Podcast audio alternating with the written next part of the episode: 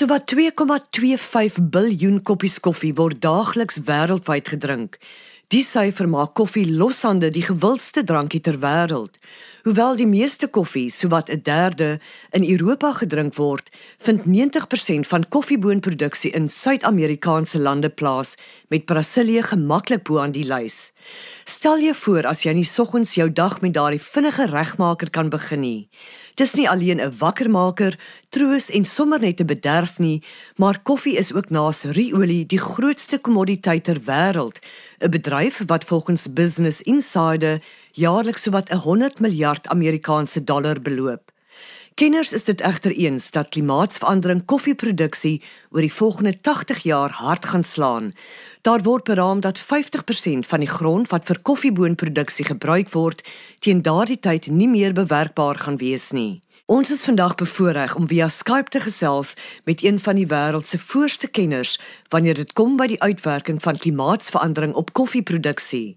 Dr. Aaron Davis is die senior navorsingsleier vir planthulpbronne by die wêreldbekende Kew Royal Botanical Gardens buite Londen.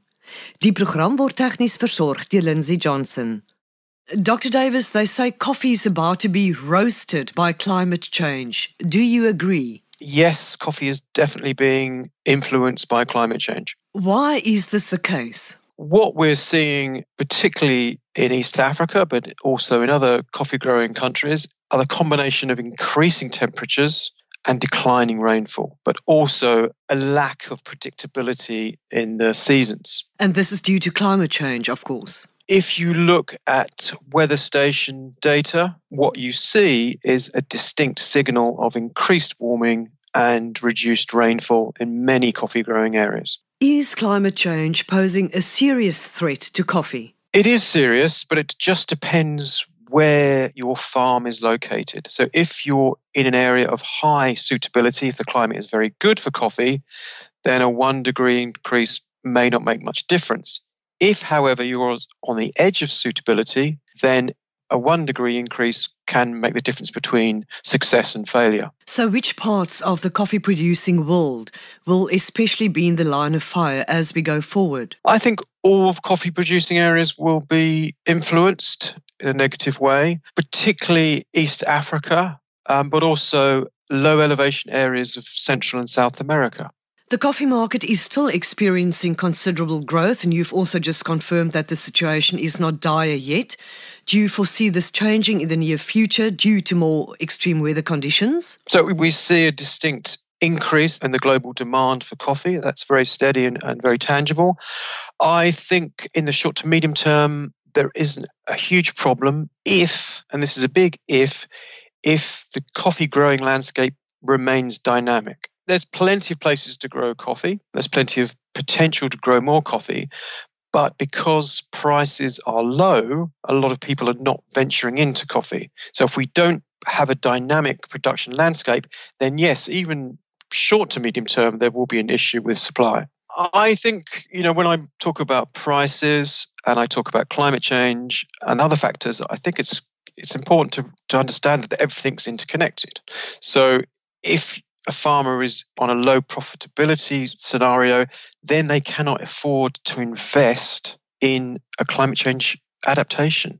So it's everything is connected, I would say. So climate change impacts are worse when you're not making a lot of money out of coffee. And what is a dynamic landscape? What we've seen historically and what we're seeing right now, particularly under accelerated climate change, is that coffee is failing in some places so it's not being grown in there anymore. But on the flip side, it's being grown in places that it was never grown before. And if you have that dynamic shift, then there's plenty of suitable climatic space. But only if farmers are willing to grow coffee. If they're not, then we'll see a reduction in the potential to grow coffee. Dr. Davis, you dedicate a lot of your efforts to the effects of climate change on the coffee production industry. Why coffee specifically? I think there's a a few reasons. One is there are so many people who depend on coffee for their livelihoods. and I'm not just talking about the 100 million farmers worldwide, but also all the other people in the coffee value chain, right up to the baristas and the supermarkets. So it's a huge industry. It's a, it generates a lot of income to support various livelihoods. So it's very important in that context. And I think also in a social context. Coffee is a fuel of many people's lives. It's part of our culture not not only um, here in, the, in, in Europe and the States, but also you know in producing countries. I should also add that it can have environmental benefits. If coffee is grown in combination with forest, then it can have environmental benefits such as biodiversity conservation, water capture, carbon capture, ecosystem services. So it can work in sort of partial harmony with nature. Are we moving in that direction? That's something I really want to push to drive. I think it's something that consumers are not fully aware of. But I would like to see more education go into understanding consumer choice and what that means in terms of the environment. And that could, as I say, those things I've mentioned, but also, you know, forests can ameliorate climatic extremes on a local scale. So that's also important. Where should this education start? I think a good place is with the consumer on coffee packages. I mean, we've have a lot of certification schemes for coffee, but we rarely seen anything linked to environmental issues. So I'd like to see that, you know, on the coffee packaging itself, but I'd also like to see companies actually being more aware of their, their environmental impact. Dr. Davis, will coffee quality eventually suffer under climate change? It, it, it very well could do. Uh, one of the things that we, we, we note in Ethiopia, for example, is those places which are not entirely suitable for coffee don't produce the best coffee. And also, if there's uh, low rainfall or high temperatures in a certain place compared to the previous year, then we see that the coffee is not as good as the, as it was in previous years. So yeah, it has a direct impact on on coffee quality, particularly rainfall. Are we running the risk of, well, running out of coffee? I don't think it's a possibility short term, but I do think if, if we don't address the price issue, and if we don't understand what's happening in terms of climate change, then yes, we could run into some production issues. Just on a lighter note, they say three cups of coffee, not three apples. Keep the doctor away. Do you agree? I think it depends on the individual. A lot of people are okay with three cups of coffee and they'll thrive on three cups of coffee. And there's a lot of data uh, and research showing that, uh, you know, three to five cups of coffee can be good for you.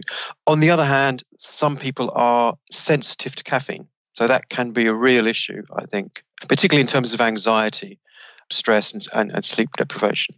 Dit was Dr. Aaron Davis van die Kew Royal Botanical Gardens.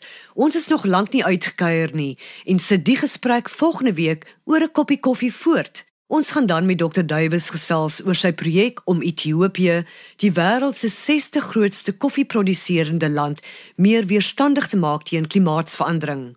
Terloops, iemand het eendag opgemerk dat hy soms ure lank sonder sy beker koffie kan gaan. Dit word slaap genoem. Die program word ondersteun deur die Wes-Kaapse Departement van Landbou. Ons groet tot volgende week. Onthou die aarde is kosbaar, kom ons bewaar dit.